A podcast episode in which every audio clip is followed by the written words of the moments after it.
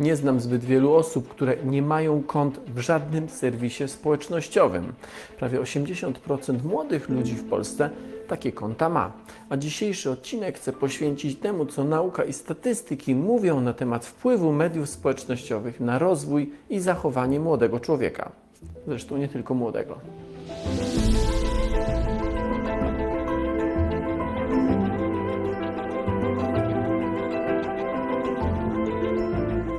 Mówiąc o mediach społecznościowych, myślimy najczęściej o takich portalach jak Facebook, Instagram, TikTok czy Twitter. Ale gdyby ściślej trzymać się ich definicji, to ich lista byłaby znacznie, znacznie dłuższa. Media społecznościowe to miejsca, w których można budować relację opartą na dwustronnej interakcji pomiędzy twórcą i odbiorcą, ale co ważne, gdzie te role twórcy i odbiorcy nie są stałe, tylko cały czas się zmieniają.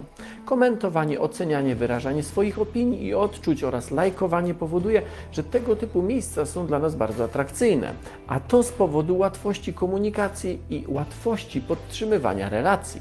No i tu wpadamy w pułapkę, bo ewolucyjnie jesteśmy towarzyscy, lubimy być w grupie i chcemy być na bieżąco. A to bycie na bieżąco, głównie z zagrożeniami, ratowało naszym przodkom zdrowie, a często także życie.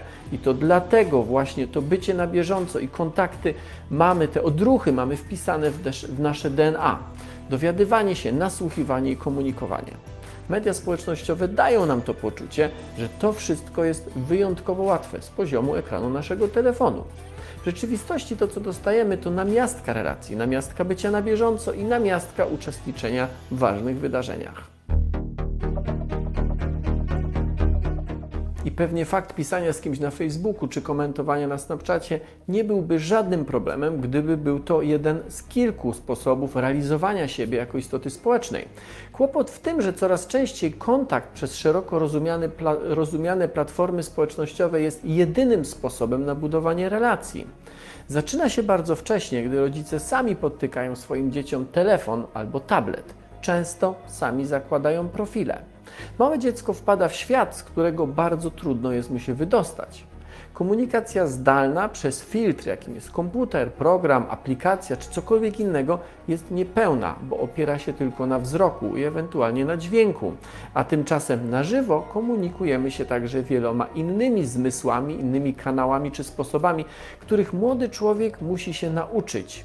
Gdy tego nie zrobi, prawdziwy kontakt i prawdziwa relacja stają się dla niego stresującym obciążeniem i w konsekwencji młody człowiek jej unika. Ale nie tylko to jest problemem.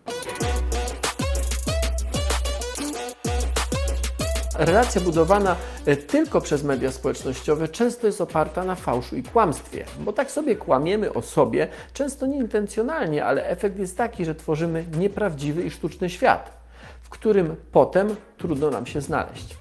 O samym kłamstwie zrobię kiedyś osobny odcinek, bo to jest bardzo ciekawy naukowo temat. Ale już tłumaczę o co mi chodzi. Choć brzmi to może fatalnie, świadomie i nieświadomie kłamiemy bardzo często.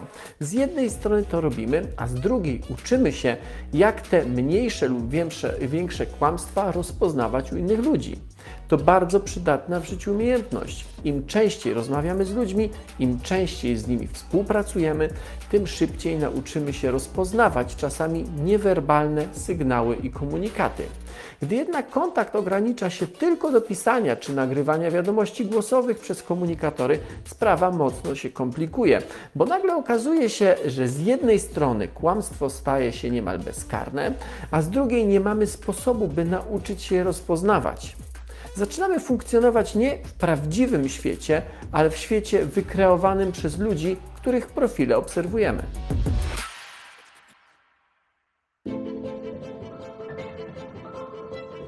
Badania przeprowadzone w kilku krajach na świecie łączą korzystanie z Instagrama ze wzrastającym wskaźnikiem depresji i lęku. Obserwując wyidealizowane życie innych, nasze życie jawi nam się jako pasmo porażek i nieszczęść. Podobnie jest z innymi platformami. Na przykład rzadko wrzucamy zdjęcia bałaganu w swoim, pod, w swoim domu czy w swoim pomieszczeniu. Czy tego chcemy, czy nie, mówimy tym samym, u mnie zawsze jest porządek. Wracając z wakacji, czasami jeszcze przez długie tygodnie wrzucamy zdjęcia z plaży, gór czy jezior, podczas gdy ci, którzy nas obserwują, przecież pracują. My też pracujemy, ale oni tego przecież nie muszą wiedzieć. Jeżeli wrzucamy swoje zdjęcie, to wybieramy oczywiście to naj, najatrakcyjniejsze. Czy zawsze tak wyglądamy? Może się to wydawać drobiazgiem, ale czymś takim nie jest, szczególnie osób młodych, które kształtują obraz siebie w oparciu czy w kontekście tego, co widzą wokół siebie. Rok temu w czasopiśmie JAMA ukazały się badania, jakie zrobiono wśród ponad 6,5 tysiąca nastolatków. Okazało się, że młody człowiek spędzający więcej niż 3 godziny w mediach społecznościowych na dobę jest znacznie bardziej narażony na stany depresyjne i lękowe.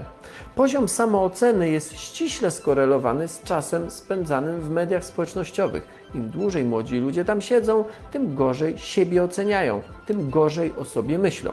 Trudno oczywiście powiedzieć, jakie to będzie miało przełożenie na ich dalsze życie, bo temat jest stosunkowo nowy. Co więcej, same media społecznościowe i sposób korzystania z nich zmieniają się znacznie szybciej niż nadążają za tym badania naukowe. Ponadto skutki długofalowe będą zauważalne dopiero po kilkunastu, a może nawet po kilkudziesięciu latach.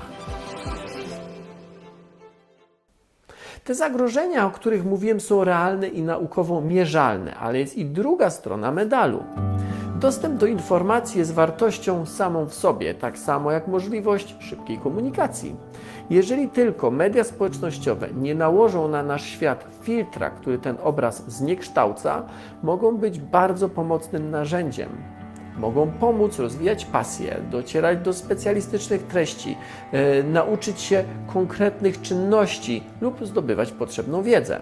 Z ciekawego raportu Nastolatki 3.0, wydanego w zeszłym roku przez NASK, wynika, że racjonalne korzystanie z mediów społecznościowych poszerza wiedzę. Młodzi ludzie najczęściej mówią w tym kontekście o muzyce, o sztuce, ale dla całkiem sporej grupy młodych odbiorców Media społecznościowe są źródłem informacji o sporcie, o sprawach społecznych i o polityce. Młodzi ludzie mówią, że nie chodzi tylko o to, że media społecznościowe i agregatory treści, które zgodnie z definicją w zasadzie też są mediami społecznościowymi, dają możliwość dotarcia do tych informacji, ale dają także możliwość, czy ułatwiają kontakt z ludźmi, którzy mają podobne pasje i zainteresowania. W badaniach, które linkuję w opisie, młodzi ludzie, młodzi użytkownicy wspominają, że dają im też wsparcie w trudnych chwilach i ułatwiają kontakt z kimś, na kogo zawsze można liczyć. Last but not least, media społecznościowe to kopalnie inspiracji. Mogą inspirować do działań społecznych, do pogłębiania wiedzy na jakiś temat, do nauki języków i do kontaktu z innymi. Mogą być źródłem problemów, gdy damy im się wciągnąć albo gdy pozwolimy, by wciągnęły nasze dzieci, ale mogą być jednak bardzo pomocne w wielu aspektach życia.